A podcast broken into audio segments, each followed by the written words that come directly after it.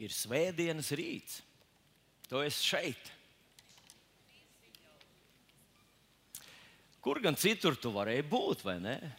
Dieva bērns, izglābts, tu dodies uz debesīm. Tava īstā dzīve jau nav šeit. Šeit mēs esam komandējumā tikai. Lūdzu, mazliet tā maigi, delikāti, kristīgi iebakstam, kurš sēž tev blakus un saka, ka tu esi šeit tikai komandējumā, darba jautājumos.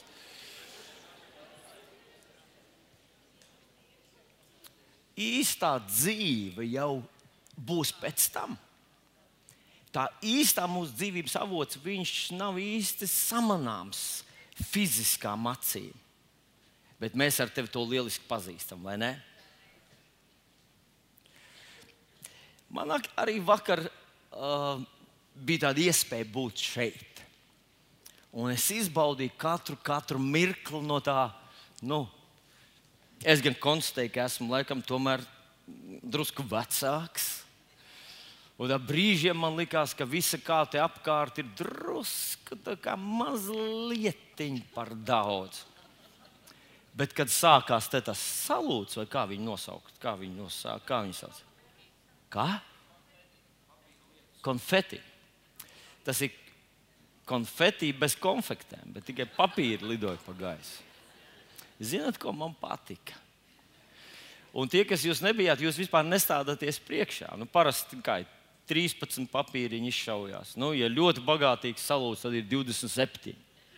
Puf, bet te bija un bija un zem bija noklāta viss ar viņiem. Un es tā pie sevis teicu, nu nekas, ja rītā mums gadīsies būt uh, svētdienas rītā ar papīriņiem, bet es atradu tikai vienu vienīgu papīriņu šeit. Vēlreiz gribu pateikt milzīgu paldies. Milzīgu paldies!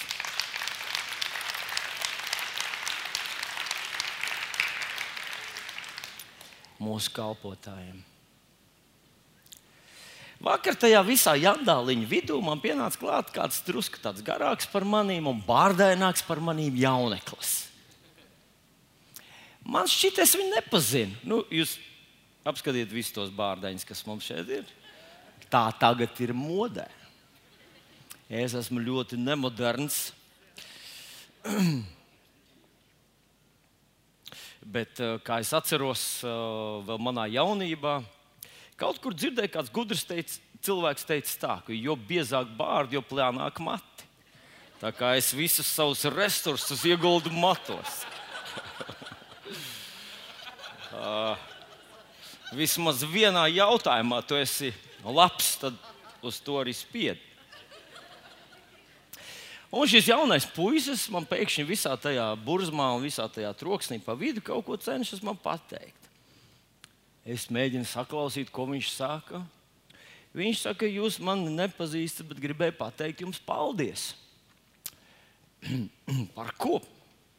Zinat, mācītāja, uh, mācītāja pozīcija ir ļoti nērta. No vienas puses, un ļoti ērta, ērta no vien, otras puses. Tev var izteikt kādas pretenzijas par to, par ko tu neesi vainīgs. Un kāds ir. nu, par to, kur tu vispār nezini, kas tur notika un kāpēc notika. Bet ir arī patīkamā daļa, un kāds tev saka, paldies par to, kur tu atkal neko nezini, kā tas viss notika. Bet kāds saka, tev paldies. Viņš saka, ziniet, es atradu to kungu Jēzu Kristu pateicoties vienam no jūsu cilvēkiem.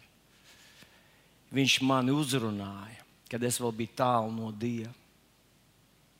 Un tad es sadzirdēju, sapratu, pieņēmu viņu. Un tagad es esmu šeit. Un tas notika vairākus gadus atpakaļ. Man pietrūka saprāta tajā visā jandāliņā, lai pajautātu, kurš tas bija, kad tas bija, kā tas bija. Ļoti ceru, ka varbūt ies, Dievs dos tādu iespēju vēlreiz to jaunekli satikt. Bet viņš teica, es esmu šeit pateicoties tam vienam jūsu draugam cilvēkam, kas man uzrunāja. Un es gribu jums par to pateikt paldies. Un tad viņš teica, un es gribu jums pateikt paldies, ka jūs esat palikuši uzticami tam savam aicinājumam, tai savai misijai, kur Dievs jums ir devis. Un es viņam jautāju, kā tevi sauc? Viņš teica, Vladislavs.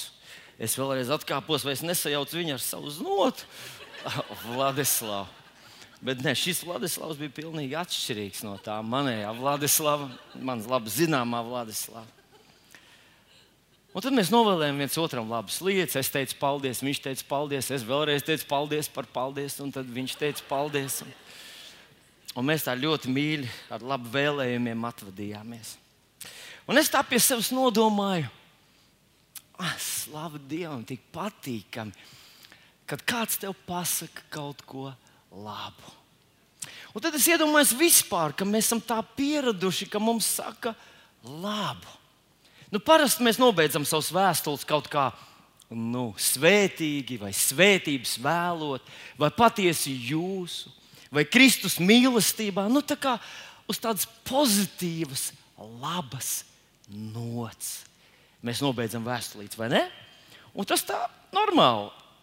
Taisnība. Mēs tā nepievēršam vairs daudz uzmanības, kad cilvēki mums izrāda kaut kādas pozitīvas emocijas, pozitīvas vēlējumus. Bet iedomājieties, ja kāds parakstītos vēstuli un teikt, nicinājumā jūras. Vai vēlot jums sliktāko gadu jūsu visa, visā jūsu līdzinājā mūžā klāvs? Mūsos tas izraisītu kaut kādas pilnīgi citas sajūtas, vai ne? Vai kāds jums, teiksim, novēlētu darba dienu un teikt, lai šodien tev viss iet grīstē? Ko mēs darītu? Ko? Es tā pie sevis iedomājos, ka iespējams, ka tas man motivētu saņemties, jo es saprotu, ka risks ir, ka kaut kas šodien var tiešām notikt slikts. Bet, kad mums novēl kāds labu, Mēs to pieņemam kā kaut ko pašu par sevi. Saprotam. Bet iedomājieties, ja Dievs jums novēl kaut ko labu. Nu, nu kaut ko līdzīgu, mm, lai tev izdodas. Nu, nu svētīgi tev dienas pēcpusdiena. Dievs tev saka, svētītu tev dienas pēcpusdienu. Tas būtu kaut kas tāds vēl vairāk nozīmīgs, vai ne? Jūs piekritīsiet man? Ja jums būtu iespējams dzirdēt, ka, teiksim, divkalpojuma noslēgumā nevis mācītājs jums novēl kaut ko labu, bet uznāk pats Kungs Jēzus Kristus. Savs rokas, kurās vēl ir rētas, viņš tā noliek, lai mēs varam apskatīt, identificēt, ka tas ir viņš. Un tad viņš saka, no nu, šī nākamā nedēļa, lai jums tiešām ir svētīga. Es domāju, ka mēs justos tā kā nu, Jā, bet ja Jēzus pēkšņi teikt, ziniet ko, nu, lai šī jums ir pārmācības nedēļa. Nu, lai šī nedēļa ir, ka jūs izgaršojat visu savu divkosību, savu gļēvulību, savus neizlēmības augļus. Kā jūs justos? Ko? Mums acis būtu tādas mēs sāktu lūgt valodās, ja ejot uz mašīnu vai nevis tramvaju. Mēs stāvētu uz ielas un skatītos apkārt, vai, vai kaut kur kaut kas nekrīt mums virsū. Es domāju, tas mūsos izraisīja tādu uzmanību. Bet kā būtu, ja Dievs sūta pravieti, un tas pravietis nevienkārši novēl, bet viņš pasludina? viņš pravieto. Viņš saka, tā saka tas kungs. Un tad nodot tekstu. Kā tas būtu? Nu, viena no tādām reizēm ir Jeremijas grāmatas 29. nodaļa. Mums ļoti labi pazīstama raksturvieta. Jeremijas grāmatas 29. nodaļa ir vietiņa, kur Dievs sūta pravieti Jeremiju pie Izraēlas tautas.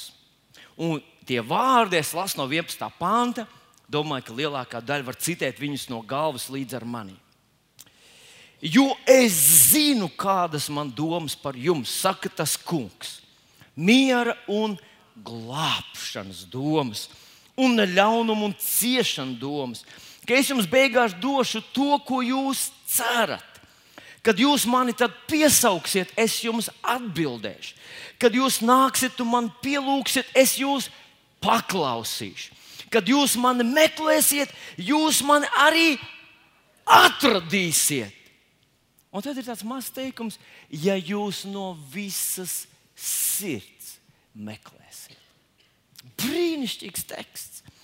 Es atceros, ka es vienā Neatminu, kurā gadā un kurā mēnesī tas bija, bet es saņēmu šo raksturvietiņu arī priekš jubilāriem. Es zinu, kādas man domas, protams, tās ir miera un glābšanas domas. Es jums došu to, ko jūs cerat. Uhu, aleluja! Un es domāju, viens otrs, kas stāvēja tajā mēnesī un klausījās, skatījās uz maniem, kas tur apakšā kaut ko tur novēl. Pēc es domāju, nu jā, man jau apsveic dzimšanas dienā jau daudz teica, veselību vēl, ves, veiksmi vēl, naudu vēl, mm, veiksmi karjerā vēl, darījumus, un vārds sakot, un paldies, vēl viens vēlējums. Bet šodien es gribu vērst jūsu uzmanību uz to teikuma sadaļu, kas ir pašās, pašās šīs, šīs fragmentiņa beigās. Un viņš saka, jūs mani meklēsiet un atradīsiet. Jūs lūgsiet, un es atbildēšu. Un tad viņš saka, ja jūs no visas sirds meklēsiet mani. Redziet, vienu pašu pantu, ja mēs tā paskatāmies, tad mums, mēs varam īsti nesaprast visu to jēgu, ko viņš cenšas mums pateikt. Bet, ja mēs palasītu mazliet plašāku kontekstu, mēs konstatētu, ka ka šos vārdus Jeremijs saka Izraēla tautai tad, kad viņi ir iekaroti, aplaupīti un aizvesti gūstā uz tālu svešu zemi. Viņi ir gūstekņi. Viņi ir gūstekņi. Un viņu vidū radās tādas, ziniet, tādas cerības, ka varbūt mēs varēsim atgriezties pie saviem īpašumiem. Man tur palika māja, man tur ir man tur ir mani, mani vīnogulāji, kurus vēl mans vectēvs iestādīja. Mēs beidzot esam sakopuši, beidzot viņš šogad dos rašu.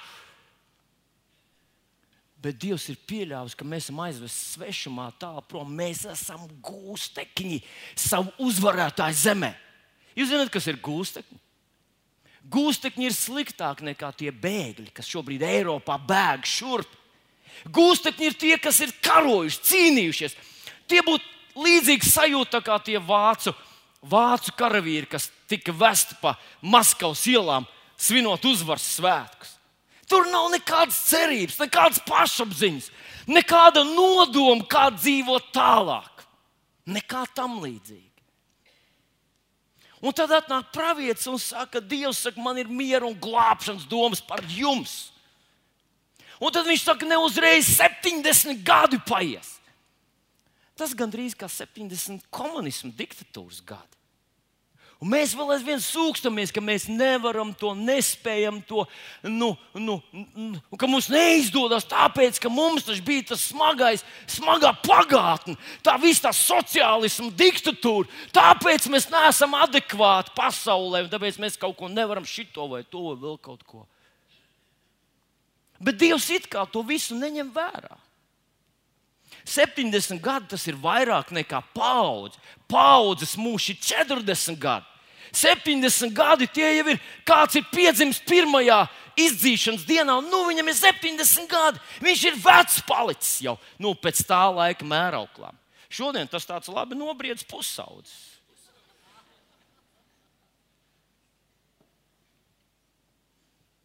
Un viņš saka, jūs man sauksiet, un es atbildēšu. Jūs meklēsiet, un es atsaukšos. Bet viņš saka, ja jūs no visas sirds meklēsiet, ah, no visas sirds, vai tu arī saproti, cik ļoti grūti mums tas ir? Vai tu arī saproti, ka mēs neesam baudījuši īsti vecāku mīlestības, mēs neesam baudījuši īsti sistemātiskas izglītības. Vai tu arī saproti, ka mēs īsti nezinām, kas ir ģimene un kā tā veidojas. 70 gadus mēs esam kara gūstekņi. Un tu tā vienkārši saki, ka tev ir miera un glābšanas domas, ka tu mums dosi to, uz ko mēs ceram. Dievs, vai tu vispār saproti, kur mēs esam, kādā situācijā mēs esam? Un šodien es gribu mazliet pastāstīt jums par cilvēkiem, kas ir pielikuši tādu lielu piepūli, kas no visas sirds ir kaut ko darījuši. Piemēram, ir viens cilvēks, kurš ir liela jūrmālas īpašuma īpašnieks, un viņš stāstīja, kā viņš to ieguva un iesāk no nekā. Viņš stāstīja, ka kāds viņam bija uzdāvinājis vai pacienājis ar ābolu, ļoti skaistu, spilgtu, tādu spīdīgu ābolu. Un tas cilvēks paņēma to ābolu, apslaucīja ar, ar, ar, ar um, kabatslakatiņu un pārdeva viņu. Un pārdeva viņu kādam labvēlīgam cilvēkam par vienu eiro. Tā viņš sāk savu biznesu. Viņam ir viens eiro. Paņēmis to vienu eiro, viņš aizgāja uz lielveikalu un ilgi lasīja, ilgi izmeklēja, līdz viņš atrada trīs ābolus no, no lielveikala piedāvājuma. Un ar tiem trim āboliem izgāja uz ielas, slaucīja visu dienu, slaucīja viņas putekļi tajā kabatas lakatiņā, līdz viņš spīdēja un izskatījās par brīnumu āboliem. Un tos trīs ābolus viņš pārdeva par diviem eiro. Tad viņš ar tiem diviem eiro atkal aizgāja uz, uz lielveikalu un nopirka vēl nedaudz ābolus, nu jau krietni vairāk. Un atnāca mājā un slaucīja viņus, slaucīja viņus un slaucīja. Un tad viņš uzzināja, ka viņa uh, attālu radiniece vientuļā ir nomirusi, kurai piederēja jūrmalā liels īpašums, un viņš to mantoja. Visu saviem spēkiem viņš bija iegūs un iesāk no viena ābola. Jūs saprotat, ko nozīmē no visas sirds? Nu, varbūt man īsti neiznāca šis piemērs, bet es mēģināšu ar nākamo piemēru. Austrālijā ir viens sērfotāji. Viņi vēl aizvien ir. Viņa bija pavisam jauna sērfotāja, kad viņa iesāka savu karjeru. Šķiet, ka viņai ļoti tas padodas, un viņai patika tas, ko viņa darīja. Jūs zināt, ko nozīmē sērfot? Mēs visi to ļoti labi mākam. Piemēram, šis ir dēls, tu nostājies uz dēļa un brauc. Brauc pa, pa viļņiem, un nu, nekā īpaša. Bet viņai tas ļoti padevās un ļoti patika. Un tad kādā reizē, kad viņi sērfoja tur kādā Austrālijas piekrastē, haizivs uzbruka viņai un nokod viņai roku. Burtiski nokod roku. Viņa aizveda uz slimnīcu, un tā roka nebija glābjama. Viņai palicis bija mazs stumbenīts, ro, uh, kreisās laikam rokas vietā. Liktos, ka nu, normāls cilvēks jau nu, roka ir ļoti svarīga līdzsvaram un tā tālāk, lai tiktu līdz tai vietai, kur sākās viļņi. Pēc četriem mēnešiem tā meitene atkal bija uz sava dēļ. Un ar visu to viņas rokas trūkumu viņa nobeidz vienu no labākajām vietām nu, sacensībās. Es nezinu detaļas, jūs noteikti pameklēsiet, varēsiet atrast. Bet tā jaunā sportiste nepadevās, nesalūza, nesāk vainot visu pasauli un dievu un nobeidz savu dzīvi kaut kur aizkrāsnē. Sūdzoties par to, ka dzīve ir netaisna, viņai nekas nav izdevies, tāpēc ka kāds nepasargāja viņu no haizivs uzbrukuma. Mēs kaut ko varam saprast no tā, ka mēs runājam, ka cilvēks kaut ko dara, un tad dara to no visas sirds. Iespējams, esat dzirdējuši par motocrossu braucēju, motosportistu. Un motosportistam viena no lietām, ja jūs braucat ar, un es, es esmu tikai iesācējis tajā visā, bet esmu izlielījies visai pasaulē, jau ka es to daru. Bet viena no lietām, kas ir ļoti vajadzīga, tāda, kad tu brauc ar motociklu, ir rokas. Tev ar tām rokām ir jāturās pie, pie, pie, pie nu, kā jūs zinat, pie, pie ragiem. Jāturās pie ragiem, un tad vajadzīgi, vajadzīgs abas, abi pirksti ar vienu, lai bremzētu, un ar otru, lai izspiestu sajūgu. Ja jūs redzat cilvēku, kurš staigā šitā, tas ir motosportists. Bet ir viens puisis pasaulē, kurš brauc motosportā bez rokas. Viņam ir kaut kāda īpaša ietaisa, ka vienkārši šī puse tiek pieāķēta ar āķi. Un viņš ar vienu roku gan sajūgu spiež, gan arī bremzi. Tas jau manā izpratnē, jau to sajūgu nospiest, tik bieži tu neaizmirstās. Jo es pats esmu bijis tādās situācijās, kad vienkārši uzgriez roku tur, nu, ga, tu esi at, grūti paskaidrot tie, kas ir kādreiz braukuši. Zin, tu esi tik tālu atpakaļ, ka tu vairs nevari gāzi palaist vaļā. Un mocis skrien pats vienīgais tavs glābiņš būtu nospiest sajūgu, lai viņš apstājas. Bet tu vari ietriekties sienā, un mežā, un, un krūmos, un visur, kur, jo tu esi tik ļoti atpakaļ. Un šim puisim viņš ar vienu roku, gan vienu, gan otru dara. Un tad var teikt, ka ir cilvēks, kuram tas sagādāja milzīgas grūtības, bet viņš tās pārvarēja. Un viņš to dara no visas sirds, un tās ir tikai tādas parastas fiziskas lietas. Cilvēkiem par to nemaksā miljonus. Viņi pat nav tik ļoti slaveni, lai visi par viņiem zinātu. Bieži vien viņi, viņi vienkārši uzvar, izcīna, un neviens viņiem par to daudz neaplaudē. Bet šodien es gribētu jums pastāstīt par kādu ļoti īpašu cilvēku. Un ļoti īpaši tāpēc, ka es kā, kādu laiku atpakaļ tā īpaši negribēju pieņemt viņa Eh, viņa, viņa liecību. Jo man likās, viņš kā ticīgs cilvēks, ka viņš vainotais savā problēmā, ka viņš vaino Dievu. Bet es uzzināju kaut ko mazliet vairāk par viņu, un izrādījās, ka viņš nevaino Dievu. Viņš nesaka, ka Dievs ir tas, kas viņam lika tādam kļūt, tādam piedzimt, tādam būt. Bet viņš saka, ka Dievs ir tas, kurš palīdzēja viņam tajā situācijā, tajā bezgalīgi grūtajā situācijā, nepadoties, nenorakstīt sevi, nesvinēt depresijā un negaidīt nāves dienu, bet dzīvot. Un tas ir Niks Vujačičs. Niks Vujačičs. Es īsti vairs neatceros, vai tas ir rumāņu vai kaut kāda nu, no Balkānu valstīm. Man liekas, nāk tāds puisis. Kādreiz mēs sakām, ka mūsu vecāki īsti nemācīja mūs mīlēt. Viņš teica, kad mana mamma uzzināja, kas ar maniem kāds es esmu piedzimis, viņa teica, nerādiet man viņu. Es negribu viņam pieskarties. Jo Niks piedzima bez rokām, bez kājām. Viņam ir tikai viens mazs tāds uh, kaut kāds rudimentārs paliek no kājas, kur viņš var satvert kaut ko mazliet. Viņš teica, viena no manām lūkšanām, kur es esmu lūdzis daudz gadu garumā, teicis Dievam, tai savos meklējuma laikos, Dievs, Vai tu nevarēji man ļaut piedzimt vismaz ar vienu roku? Cik daudz es būtu varējis izdarīt, ja man būtu tikai viena vienīga roka? Viņam viņas nav. Un viņš stāsta, ka savā dzīvē ir sastaps ļoti daudz nelaimīgu cilvēku, kuriem ir rokas, ir kājas, Viņš saka, savā dzīvē ir sastaps cilvēks, kas ir atmetuši visas cerības un vairs ne par ko necīnās, ne uz ko neticās, ne, netiecās, nekam netic. Jo kaut ko savā dzīvē nav īsti saņēmuši un nav baudījuši.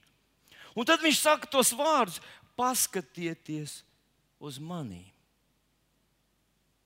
Tas taču ir acīm redzami. Ja es pareizi atminos, tad kādā vietā viņš burtiski saka, ka es esmu kroplis lai uzstutētos kājās, iemācītos pirmo lietiņu, ko mēs gribam, lai mūsu bērni iemācās, kad viņiem ir gan rokas, gan kājas. Viņš teica, man vajadzēja tik nežēlīgi ilgu laiku.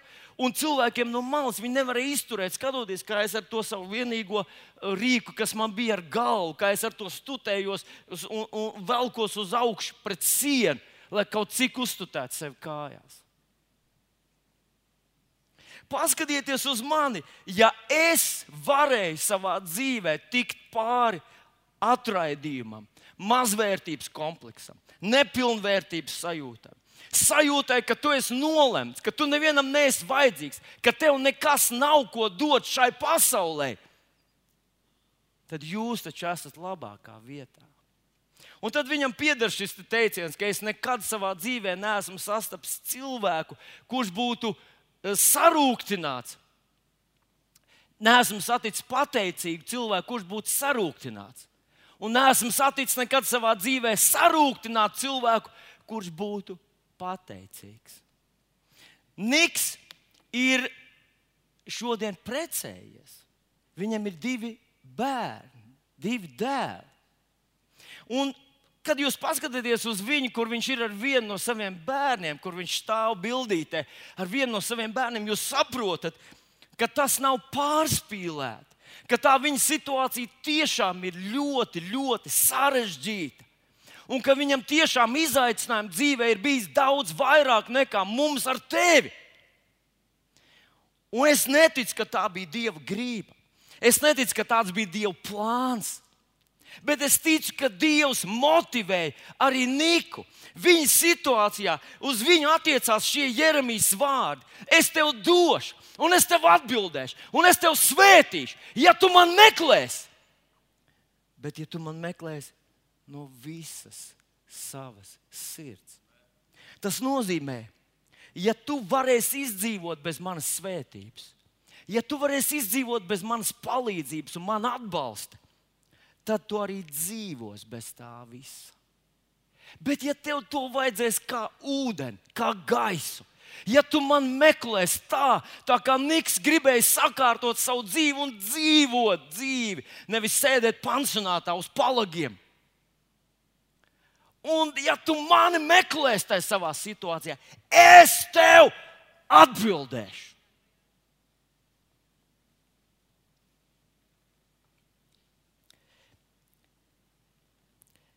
Kad es domāju par Bībeles personāžiem, kas ir bijis tādā sarežģītā vietā un nav padevies, bet ir meklējis, ir lauzies, ir ticējis Dievam, meklējis viņu no visas sirds, manā prātā kanāniešu sieva.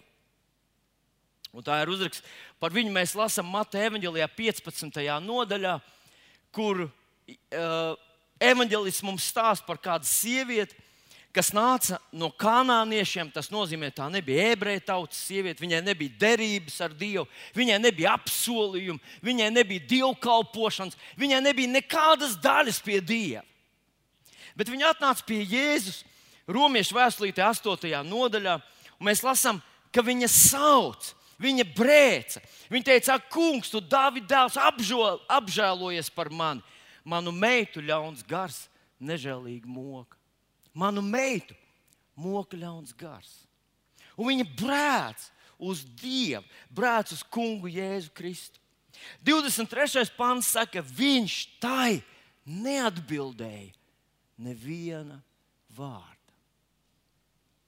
Jēzus sievietei kas brēc par savu bērnu, savu meitu, neatbild neviena vārda. Mums liktos, ak, Dievs, tai sievietei jāiet prom, kāda cietsirdība. Akmens būtu atbildējis, akmens būtu apžēlojies. Jēzus viņai neatbildēja. Jēzus viņai neatbildēja, viņa brēc tik ilgi, līdz mācekļi pienāk pie viņa. Tas ir nebijis gadījums. Kad mācekļi saka Jēzum, Jēzu, lūdzu, apžēlojies par to sievieti. Un Jēzus viņai saka tā, Jēzus atbild mācekļiem, es esmu sūtīts vienīgi pie Izraēlas cilts pazudušajām avīm. Vienīgi pie Izraēlas cilts pazudušajām avīm. Ar to viņš saka, tu neesi no tās cilts, tu neesi no pareiziem, pareizā tautība. Tu neesi tā, kurai pienākās kaut kas, vai kur var saņemt. Un, zinot, manā prātā šie, šie vārdi, kurus Jēzus saka, viņš kādā vietiņā teica, es neko nedaru no sevis, ja es neredzu tēvu to darām.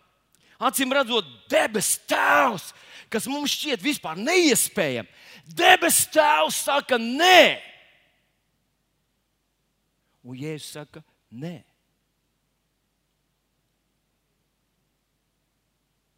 Ne viņai, ne tagad. Šobrīd mans mandāts ir cits. Un viņa nepadodas. Viņa atnāk pie viņa, nokrīt viņa priekšā zemē un saka, Kungs, palīdzi man. Un viņš vēlreiz atbild viņai un saka, neklājas bērniem atnest, atņemt maizi un nomest to suņiem priekšā. Un šī sieviete viņai saka, Jā, kungs, tā neklājas darīt tu saki patiesību. Un tomēr, zinot, ko man tas atgādina? Man tas atgādina Jeremijas grāmatu, kur viņš saka, jūs man atradīsiet, ja jūs to darīsiet no visas sirds. Ne garām ejot, ne tā brīvajā hobija uh, mirklī, bet ja tā ir tava dzīve, ja viņš ir tavs spēks, ja viņš ir tava uzvara, ja viņš ir tava atbilde, ja viņš ir tas, kurš atver durvis un neviens tās neaizver. Un tu pie viņa nāc ne tāpēc, lai nomierinātu savu sirdsapziņu, lai pateiktu, ka tu arī to esi pamēģinājis, bet tu nāc pie viņa tāpēc, ka zini, ka nav iespējams, ka tu aizies bez atbildes. Tad tu dabūsi atbildi. Un tā sieva saka, pareizi, kungs, un tomēr sunīši arī kaut ko ēd. Un tad ir šie vārdi, kurus Jēzus saka, ak, sieva, tava ticība ir liela, lai, not, lai tev notiek, kā tu gribi. Un viņas meita kļuva vesela tajā pašā stundā. Mīļais draugs, mēs ar tevi esam līdzīgā situācijā. Arī par mums viņš teica, ka Dievs ir Dievs, kurš ir un viņš atmaksā tiem, kas viņu meklē. Bet tā doma, kas tur ir, kas viņu cītīgi, neatlaidīgi, kas nedara to vienkārši kā, kā, kā tādu mēģinājumu, kā eksperimentu, kā vienkārši, nu, tāpēc, ka vecāki gribēja, tāpēc, ka man draugi to. Bet, ja tu patiešām meklē to kungu no visas sirds, un tu saki, Dievs, tu esi mana dzīvība, nav iespējams Nav iespējams. Pat ja pats Dievs, tas kungs, tu dzirdētu, kā viņš tev saka, ne tagad, ne tev, nav iespējams, ka viņš tev neatbildētu. Nav iespējams. Manā prātā viens jauns, mm, ticīgs eh, cilvēks, viena jauna ticīga ģimene, kas tikko bija saņēmusies, tikko bija mācījusies Bībeles skolā un sāka dzīvot ticībā, paļaut, paļaudamies uz Dieva vārdu. Viņš saka, mums, mēs bijām pilnīgi nabaga. Mums nebija pilnīgi nekā. Viss, kas mums bija, tā bija tā jaunā uzticība Dieva vārda apsolījumiem, ka Jēzus taču ir patiesība. Viņš ir, viņš ir to teicis, viņš to ir izdarījis. Un tad viņš teica, kādu reizi manā mamma, kas arī bija jauna ticīgā, mēs visi apmēram bijām vienā tādā garīgā vecumā, zinot, ka mums finansiālā situācija ir tik grūta, Viņi uzaicināja mūs kādā garākā ceļojumā braukt un apsolījās, ka viņi to visu apmaksās un ka, ka viņa parūpēsies par to, jo viņi grib kopā ar savu dēlu ģimeni un ar savu dēlu bērniem, saviem mazbērniem doties tādā garākā ceļojumā, sagādāt prieku visiem. Un viņi ieplānoja to, nolika datumu, kad viņi visi dosies tagad ar to mašīnu ceļojumā. Māma iesēdīsies pie dēla mašīnā, un tur visa ģimene kopā un tā tālāk brauks šajā aizraujošajā vairāk dienu ceļojumā. Un tagad viņi nu, pienāk uh, konkrētā diena, viņi iekāp mašīnā, bet izrādās, ka vecā mamma ir, ir pāris dienas iepriekš slimojusi ar gripu. Un nu viņai Viņi no sākuma stāvēja ticībā, ka jā, viņi jēzus brūcēs, ir dziedināti, viņi nepieņems, viņi neslimos, viņi ir dziedināti. Viņi cīnījās vienu dienu, cīnījās otru dienu, lai līdz beigās padavās. Un sāk domāt, eh, nezinu īsti, vai tā ir kaut kāda jauna lieta, moderna, varbūt tas labklājības evanģēlijas un tā tālāk. Nezinu, vai tā vispār tā dziedināšanas padarīšana vispār darbojas. Un viņa tā normāli, kā jau visi cilvēki, normāli izslimoja uh, gripu. Nu, izslimoja no dzēra aspirīnu, dzēra daudz, nu, visu, ko viens cilvēks varēja darīt tajā savā situācijā. Un tāda nu viņa puslima iekāpa tajā mašīnā. Un viņi sāk jau no paša sākuma. Vai, vai, es nezinu, kā tikai arī mazie nesaslimst, jo es te esmu slimojis, man te tagad te baceļi nāk ārā uz visām pusēm.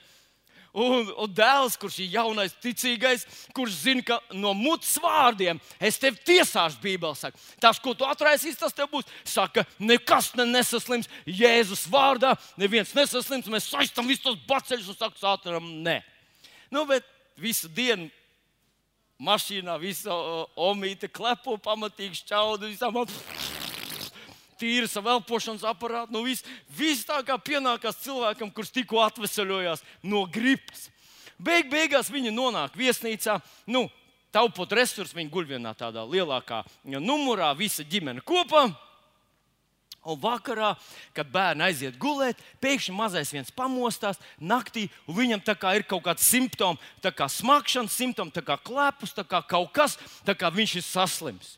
Tēvs jaunais ticīgais, Ak, cik brīnišķīgs tas laiks, kad tu esi jauns, ticīgais. Uzliec gaisā, Jēzus vārdā paņem savu bērnu. Jēzus vārdā es saku, nē, slimība iet prom. Mēs to nepieņemam. Bērns aiz, a, a, gribēja teikt, aizvarās, bet apklust, a, a, apklust. Viņš noliek viņu gulēt un dodas gulēt. Pēc pusstundas sākās atkal tas pats. nu, mazos Atkal sākās tas pats jaunais ticības tēvs, kurš stāv uz dievu apsolījumiem, pieliec kājas, pieņem savu bērnu ar no Jēzus vārdu. Es nepieņemu nekādus atraiz dievu dziedinošos, par, uh, dievu dziedinošo spēku par manu dēliņu. Pēc ilgāks vai garāks lūkšanas atkal viss norimst, viss atklāst, bērns aizmieg, viņš viņu noliek gulēt, noliekās gulēt. Pēc pusstundas atkal tas pats. Pēc pusstundas atkal tas pats. Kādam ir kādreiz tā bijis?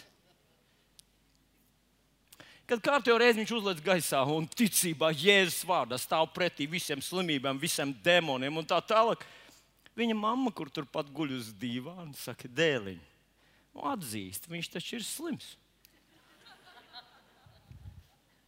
Nu, taču dēliņa atzīst, nu, ko, tu, ko tu centies noliegt, kuru tu centies te piemānīt.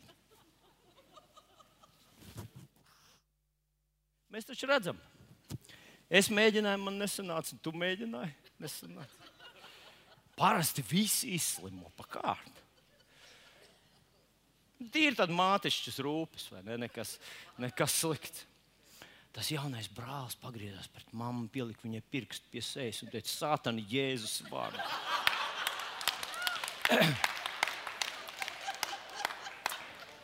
Sātana, es tev saku, Jēzus vārdā aizveries mans bērns neslimos, un es nepieņemu šo sērgu. Savam bērnam. Paņēma bērnu šabrahadiki, laburgadiki, lahadiki. Es nezinu, vai viņam vēl vajadzēja kāds pāris reizes celties vai nē, bet rīts pienāca kluss. Bērns nebija slims, bet mamma divas dienas nerunāja nevienu vārdu.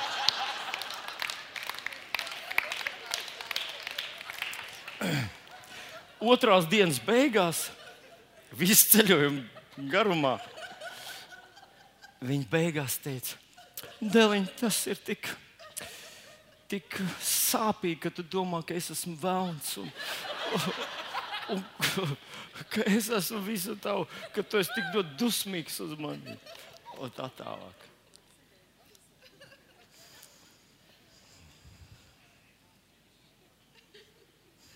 Es esmu pārliecināts, ka kādreiz savā dzīvē tu esi kaut ko tādu baudījis. Un es esmu to baudījis. Ka kad cilvēks atnāk pie tevis un pēkšņi viņš vienkārši saka kaut kādas negatīvas lietas tev. Un viņam liekas, ka viņš vienkārši saka nu, kaut kādas tādas savas tādas domas, pārdomas. Bet tev tas ir kā tāds - tavā dvēselē. Tu turējies pie Dieva vārda. Un tu tā ticēji, tas tev nebija viegli. Tu tā kā varonīgi ticībā, plikā ticībā saņēmi sava, savu dzīvību savā dūrē, ka kaut kur Bībelē teikt, tu teici, stāvēji pretī. Un tad tas otrs tev vienkārši neapjaušot, ka viņš reāli tiek vēlni izmantots ka reāli dēmoni izmanto to cilvēku, un tie vārdi priekš tevis ir tik smagi, tik ļoti smagi. Jūs esat to piedzīvojuši kādreiz? Es esmu. Kādreiz tev kāds mīļš, draugs cilvēks pienāk, un viņam liekas, ka viņš nu, nu, vienkārši kaut ko pateicis. Tas uzkrīt tā kā tāda buļbuļsakta tev uz muguras, un tu ej prom, velc kājas un saki, Dievs, es gribēju tev paklausīt. Es gribēju ticībā, es gribēju drosmīgi rīkoties uz tavu vārdu. Es gribēju padoties svētajam garam. Es gribēju vest tavu tautu uz priekšu. Es gribēju, lai mēs šeit nesēžam sēru vītolos, bet lai mēs neskatoties savam sakāmiem pagātnē, skatāmies uz tām uzvarām, kas ir nākotnē. Un kāds tev uzkrauj tādu nastu? Un kad tu aizmirsti to, ka Bībele saka, ka mūsu cīņa jau nav pret miesu un asinīm Ne cilvēki ir mūsu ienaidnieki, pat ne apstākļi, bet aiz cilvēkiem un aiz apstākļiem kādreiz ir demoniskas varas, kuru galvenais uzdevums ir tev atņemt vārdu, atņemt to tavu stipro paļāvību uz vārdu, to tavu mm, mm, meklēšanu no visas sirds. Ka tu nepadodies, neatkāpies, tu atsakies padoties, tu uzticies Dievam. Atcerieties, Jēzum bija tāda situācija, kad viens no viņa labākajiem praviešiem, Pēters, vienā brīdī nopravietoja, tu esi Dieva dēls, Dieva jērs, kas nes pasaules grēku. Un kad Jēzus teica, man būs jāuznes to grēku Golgāts krustā un tur jānomirst, tad Pēters saka, tā saka tas kungs, lai tev tas nenotiek, lai nekad tas ar tevi nenotiek. Un ko Jēzus viņam pateica? Ja es pienācu klāt, paskatījos, iebakstīju pirkstu viņam degunā, jūs domājat, Pēters nebija aizvainots? Protams, ka bija. Viņš nebija pazemots? Protams, ka bija. Bet tajā situācijā tur neko citu nevarēja izdarīt. Tur vienkārši bija tā bija garīga cīņa. Nostājās tam pretī un teica, nē, tas nenotiks. Un es lūdzu, jūs nebakstiet mammai degunā ar, ar, ar pirkstu. Es lūdzu, jūs nedariet to ar cilvēkiem. Mums vienkārši ir jāatcerās, ka garīga cīņa, kas stāvēt uz vārdu, tā ir garīga cīņa. Ka padoties Dievam, meklēt viņu no visas sirds. Tā nav viegli pastaigāt garām ejot. Un šī sieviete mums ļoti labi to parādīja. Un šodien, dārgais mans brāl un māsas, Es gribu atgriezties pie Lūkas 15. nodaļas, kur mēs skatījāmies iepriekšējā reizē, kura runāja tieši par šo dievu meklēšanu no visas sirds. No visas sirds. Lūkas evanģēlijas 15. nodaļa mēs lasām, ka dēls, pazudušais dēls no tālas zemes atnāca atpakaļ pie sava tēva, atnāca savu tēvu mājās. Tad tēvs viņam lika Un paklausieties, kā tur rakstīts. Tēvs pavēlēja saviem kalpiem, atnesiet ātri visu labākās drēbes un apģērbiet to. Atnesiet ātri visu labākās drēbes un apģērbiet to. Un mauciet viņam pirkstā gredzenu un kurpes kājās. Paldies, Dārgi! Vai jūs ievērojat, mīļie draugi, ka tur nav teikts, viņš neteica tam dēlam, apģērbies pats, bet viņš saka, apģērbiet viņu. Tas, tas Tas dēls stāvēja tāds pārbījies un, un, un, un, un, un, un pārsteigts, un viņu apģērba. Un tad viņam uzvilka pirkstā gredzenu. Man ir viens ļoti neuzkrītošs gredzens šoreiz.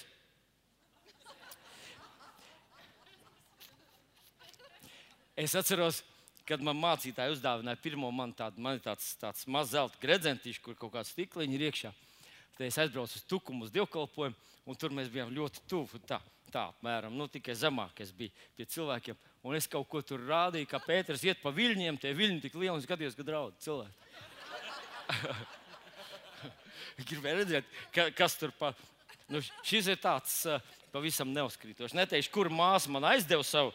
Tas, tas, ir, tas protams, ir brīvs. Tas ir otrs vismagākais brīvs visā pasaulē. Nu, sāksim pirms ar to apģērbu. Es ļoti gribētu, lai mēs šodien padomātu par to, jo viņš to tajā ir apģērbs mūsu. Tur rakstīts vislabākais apģērbs. 2. korintiešiem 5.17 saka, ka mēs esam jauni radījumi. 1. Jāņa 4.17 saka, kāds viņš ir, tādi mēs esam. Tas nozīmē, ka mēs sev vērtējam nevis pēc vakardienas, nevis pēc tā, kā mēs jūtam, bet pēc tā, ko viņš mūs iekšā, kā viņš mūs ir ieģērbis. Vai ne?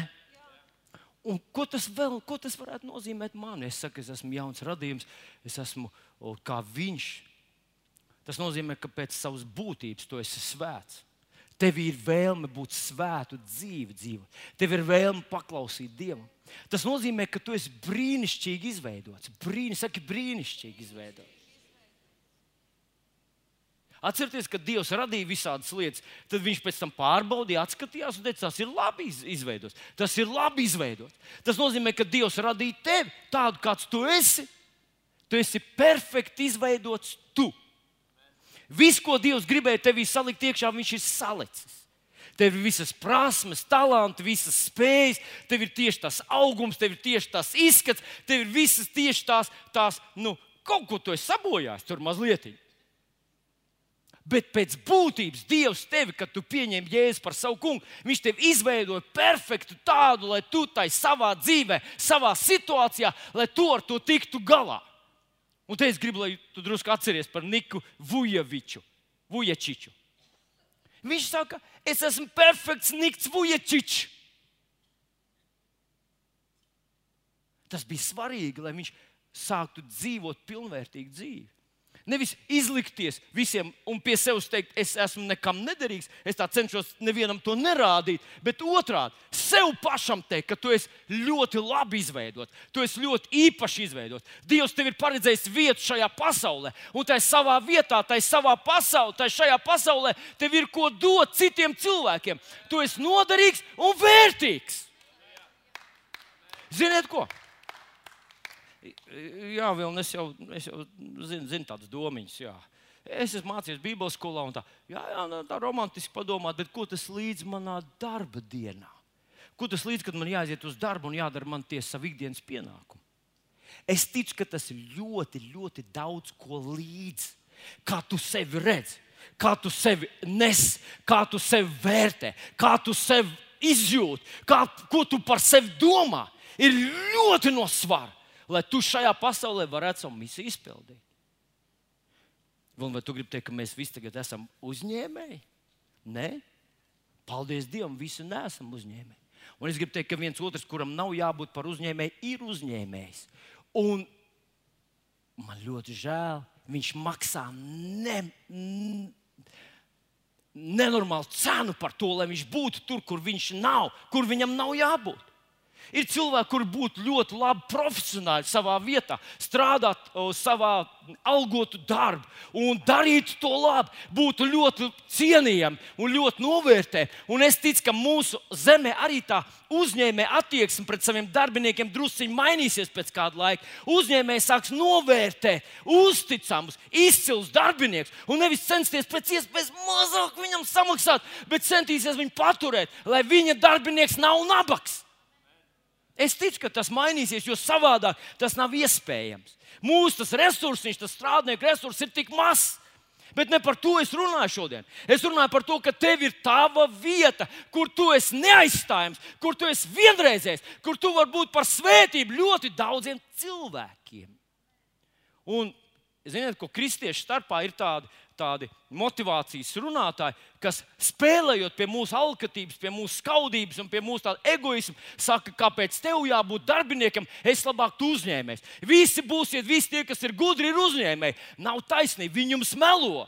Ja jūs motivē skaudību, ja tas, kas uz jums runā, motivē jūs uz šo alkatību, un saka, kāpēc tev jābūt kādam, kurš strādā priekš kāda cita, Un mēs jau nestrādājam pie kāda cita. Mēs strādājam par atalgojumu, kur mēs saņemam. Vismaz nu, tā es saprotu, kāpēc mēs ejam uz darbu. Mēs zinām, ka mums par to samaksās un darām to no labākās sirds. Ja Dievs tev nav aicinājis būt par uzņēmēju, lūdzu, nē, es uzņēmējs. Ja Dievs tev nav aicinājis politikā, lūdzu, nebāz tur savu degunu, lūdzu, lūdzu, tevi sabojās, sasitīs un izmetīs laukā. Tev jāzina tur, kur tu esi. Un tagad es gribu tādu mazu līdzību parādīt šajā jautājumā. Nu, ir, ir veselības ministrs un ir medmāsa. Pieņemsim, kaut kādā lauka slimnīcā ir medmāsa un veselības ministrs. Nu, kurš, kurš es kā Dieva bērns, kurš ir vis, vislabākais, Dievs man ir radījis, Dievs man ir visu devis, es esmu brīnišķīgs, es esmu tāds kā Viņš, Dievs man palīdz, Dievs man atbalsta. Kam man ir jābūt? Ministram vai medmāsiņai Ugālē? Kam? Kam? Katram savā vietā valdiņa pareizi. Jūs zināt, ministrs nevar izdarīt to, ko var izdarīt medmāsa. Un tie, kas mēs esam kādreiz bijuši slimnīcā, mēs zinām, ka ir milzīga starpība, kā diena pret nakti, starp divām medmāsām. Abas atnāk tev izdarīt čik. Nu, es bērnībā biju slimnīcā daudz. Un man taisīja trīs reizes regulāri, un vēl ceturto reizi, pēc, kad viņiem ienāca prātā. Un es zinu, kāda milzīga starpība starp medmāsu, kas ir tāda mīļa un laipna, kas tev izrāda kaut kādu tādu mīļu sirsnību. Tas čik nemaz tā nesāp vairs. un izglītības veselības ministrs to nevar izdarīt. Un, protams, kāds cits ir aicināts par veselības ministru, un viņš ļoti slikti jutīsies, būdams par medmāsu.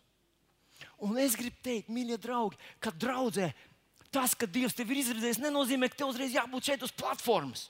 Bet, ja Dievs tevi ir izredzējis priekš platformas, tad šī ir tā brīnišķīgā vieta, kur tu jutīsies labi, kur tev deguns neuzkāps, kur tev, kad tev pabīdīs pa kreisi vai pa labi, tu nesarūktināsies. Jo tu taču atnāc šeit un dari to, ko Dievs ir ielicis tev. Viņš tevi ir radījis, tu esi šajā pasaulē, lai būtu par svētību.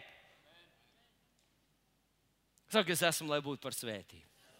Es redzu, viens otrs jau žāvējas, mēs tuvojamies noslēgumam. Es tikai mazliet vēl gribēju parunāt par šo varas un pilnvaru un pienākumu grēcēm. Nu, grēcēm mums visiem patīk, vai ne? Ja viens brālis man pienāca pēc pagājušā dievkalpojuma, tas man patīk, tas, ko tu pateici par gradzenu, man arī tagad ir. Halleluja! Tā kā jūs zinat, man ir akcijas zelta tajā tur kioskos, kur pārdod zelta izstrādājumus, un kad jūs nopērkat gredzenu, uzreiz man ien, paaugstinās mani ienākumu. Tas bija joks, protams. Šis gredzens. Ja tev viņš būtu tāds, tad nevar ne, ne, ne biksēs iebāzt roku, neko. Viņš visu laiku ķerās, visu laiku viņš tev atgādina, ka tev tāds ir. Tas gredzens, kā mēs toreiz norunājām, tas bija pilnvaru, autoritāte un misijas zīme. Bībelī te kaut kur teica, drīzāk, ka mēs esam apzīmogoti. Drīzāk kaut kas tāds mums ir pie pieres. Garīgā pasaulē mēs esam redzami ar tādu spīdīgu, zaigojošu dimanta zīmogu, kas mums ir pierē. Dievs mūs ir apzīmogojis kā savus bērnus. Bet šī ilustrācijā tas bija lietots kā, kā gredzens. Viņš viņam deva šo gredzenu, jo viņš gribēja izcelt to tavu misiju un tavu lomu šajā pasaulē. Un tagad paskatieties! ja līdz tam tas pazudušais dēls atnāca pie tēva un teica, atdod man, manējo, tas ir mans. Ja es aiziešu ar saviem draugiem un viņiem izmaksās, viņi zinās, ka es esmu viņiem izmaksājis. Tā ir mana dzīve, mana bagātība, mans īpašums, tas ir mans, un es gribu to sev. Šajā gadījumā tēvs iedeva viņam savu gredzenu un teica, tu strādā priekš manis. Vai ir starpība tajā? Paklausieties, mēs visi esam dzirdējuši, kad mums kādreiz ir kāds kultūras raidījums, tiek pieteikts, tad parasti viņi piesaka tā, ka šo raidījumu apmaksā Boris un Ninārs Teterev fonds. Nu, Tie cilvēki ir brīnišķīgi cilvēki, acīm redzot, diezgan turīgi, viņi rūpējas par mūsu latviešu kultūru, latviešu, latviešu dzīvi. Tas ir brīnišķīgi, ko viņi dara. Bet runājot no bibliskās skatu punkta, zinot, ko viņi iegūst no tā, ka katru raidījumu sākumā un beigās pasaka, ka šo raidījumu sponsorē un atbalsta Boris un Ninārs Tetereva fonds. Ko viņi no tā iegūst? Vienīgais to, ka mēs zinām, ka viņi ir tie, kas to sponsorē. Tas ir vienīgais, ko viņi dabū. Jo, jo viņi to liek rakstīt tāpēc, lai cilvēki zinātu, tā viņi iegūst kaut kādu atzīšanu, iegūst kaut kādu slavu. Un tas ir tas pats, ko darīja tas pazudušais dēls, kad viņš gāja prom. Es gribu man, es gribu savu, es gribu, lai cilvēki zinātu, kas viņiem palīdz. Es gribu, lai cilvēki zinātu, kas viņiem ir izdarījis labu. Es negribu, lai tu kaut kā abstrakt, nezinu, kurš tas bija un nezinu, kad tas bija. Es gribu, lai es. Un tad es iedomājos, ka, iedomājos, ka vakar visi, kad vāca šos čubrikus, katrs parakstītos savā vietā. Šo te sakopa Olīta Karaševska, un te būtu no, norobežots laukumiņš. To viņa, tālāk būtu Normons, tālāk Mārtiņš, Ilze. Ja? Ainārs būtu, tam būtu liels laukums, viņš būtu parakstījis visu. Šeit Ainārs sakop, tur Ainārs sakop, tas sākās robeža, ko sakā Ainārs. Tas būtu, tas būtu atbilstoši. Un kā mēs gribam, lai tauta pazīst savus varoņus? Un tad tu palaidi savu bērniņu uz svētdienas skolu. Viņš atnāk atpakaļ, viņam būtu uzraksts, ka šodien viņu samīlēja un viņam labu darīja uh, māsa tāda un tāda. Nu, tas būtu tajā stilā. Es gribu, lai cilvēki zinātu, ka es to, es to izdarīju. Es mīlu viņus. Un, protams, ka mums tas ir jādara, tam ir sava vieta. Bet šī ir tā vietiņa, kur mums atcerēties, ka, ka tas ir tēva īpašums. Tas ir tēva nams. Un man ir tā pilnvaru un misiju šajā pasaulē gādāt par viņu valstību, dzenaties pēc Dieva valstības, tad jums viss tas pārējās lietas tiks piemestas. Paklausieties, mīļie draugi! Draudz ir viena, viena no lieliskām iespējām, kur mēs varam atdot savu ziedojumu, un neviens nezina, kurš ko apmaksāja. Tu sēdi uz krēsla, ko kāds ir apmaksājis. Šie, kas jūs sēžat šeit uz krēsla, zina, kāds konkrēti, kurš to ir apmaksājis. Bet tur, kur jūs sēžat, to nezina neviens, kas to ir samaksājis. Bet kāds par to ir samaksājis. Un gods par to ir Dievam un alga tam cilvēkam no Dieva ir milzīga starpība. Vai cilvēki ir pateicīgi tev, vai viņi, ir, vai viņi nav pateicīgi tev, bet tev ir pateicīgs tavs debesu tēvs. Viens cilvēks man tā godīgi ir pateicis, es negribu kaut kur piķi dot, es gribu pats darīt labi. Es nāciet pie manis, kādam ir kāda vajadzība, rekur es esmu, atnāciet pie manis. Un tas ir, tas ir brīnišķīgi. Tam ir sava vieta. Bet tas gradzens tev liecina, ka tu savu visu esi notērējis ka tev sava nekā vairs nav. Ka tas, kas tev ir iedots, ir tava debesu tēva bagātība, pār kuru tu esi tikai namturs, pārvaldnieks. Man bija pilnīgs tāda iekšēji kaut kāda nepatika iet uz ielas, iet uz ielas evanģelizēt. Es jau kaut kur esmu stāstījis par to. Un vienā dienā es sadzirdēju savā sirdī, ka svētais gars man saka, bet tu netaisies aiziet tur uz, kur, kur, kur tavs draugs cilvēks katru piekdienu iet uz brīžiem 20, brīžiem 3 cilvēki, brīžiem 23. Nu, tā grupiņa mainās. Un es teicu, kungs, es kādreiz, kad viņi vēl bija pasaulē, es stāvēju tirgus laugumā ar ģitāru, džinģināju tur un kliedzu pa visu skairu un e, kliedzu visiem, lai glābjās viss, kas var, jo drīz būs plūdi. Nu, ne tā burtiski, bet nu, kaut ko tādu es sludināju. Un cilvēki viens otru dzirdēja, viens otrs pienāca, varbūt viens otrs arī pieņēma jēzu. Bet gadiem ejot, esmu pazaudējis šo spēju. Es nemāku kulēt cilvēkam uz ielas pasaku. Man, es nezinu.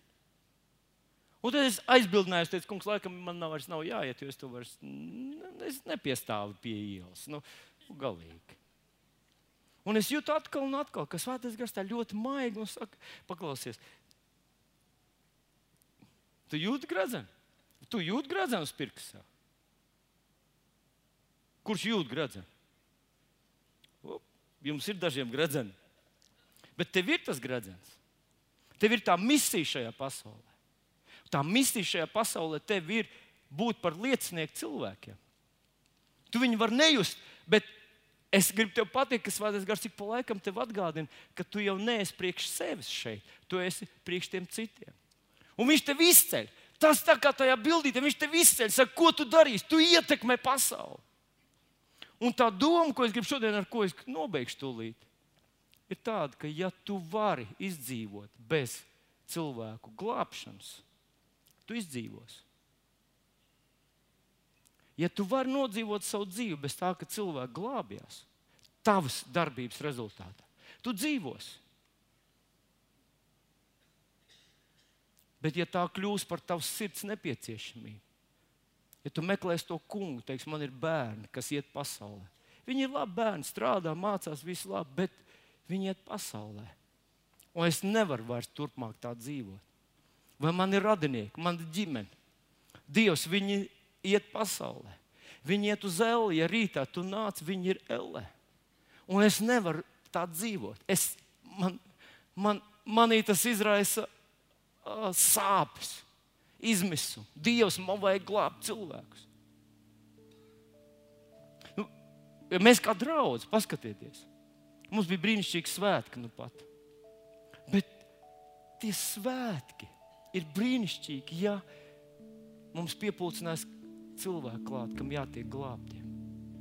Un ja mēs kā draugi, kā komanda, tas nozīmē tu un es, mēs abi divi ja mēs mierīgi varam nesāt šo Dievu pilnvaru gradzenu, ja mēs varam aizliegt slimībai, aizliegt nāvei, aizliegt nabadzībai, un mēs pastāvam tajā, un mēs neatkāpjamies no tā, jo mēs meklējam to kungu no visas savas sirds. Bet tas neglābtu jautājums mums tā kā viņš nesatrauc. Tad mēs nelietojam pilnu to misiju, nesaprotam to. Mūsu līdzcilvēki aizies uz ja viņi nesaņems glābšanu un mēs esam viņa dēļ. Un tāpēc man šodien tas lielais jautājums ir, Ir lietas, kuras ir saņemamas no Dieva tikai tad, ja mēs no visas sirds, no visas sirds, ja tu neatkāpies, nepadodies, neplāno nomierināties, ja tu saki, Dievs, es gribu, es gribu tev kalpot. Dievs, es gribu glābt cilvēkus. Ja tu stāv pretī sērgām un slimībām, lai tur vai ko kāds saka, ja tu cīnies pretī tumsas valdniekam, kurš cenšas atņemt tev vārdu un padarīt tevi par pavisam parastu cilvēku. Pavisam parastu cilvēku, kurš vienkārši redz un dzīvo no apstākļiem, it kā tas būtu viss, kas šajā pasaulē vispār notiek.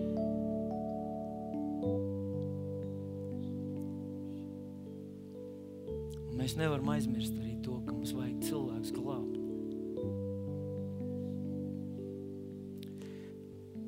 Tas ir liels dārgums, ko Dievs mums ir iedevis. Tas jaunās drēbes un tas Dieva pilnvaru, varas gredzens. Un viņš grib, lai mēs to lietojam.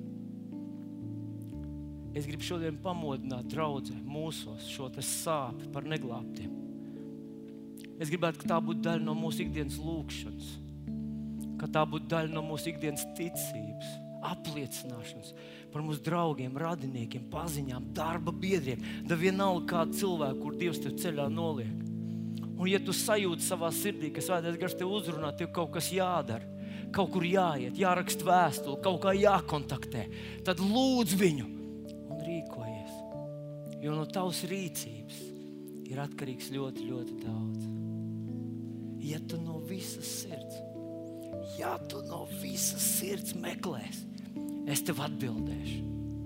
Jēzus vārdā. Amen. Piecelsimies kājās.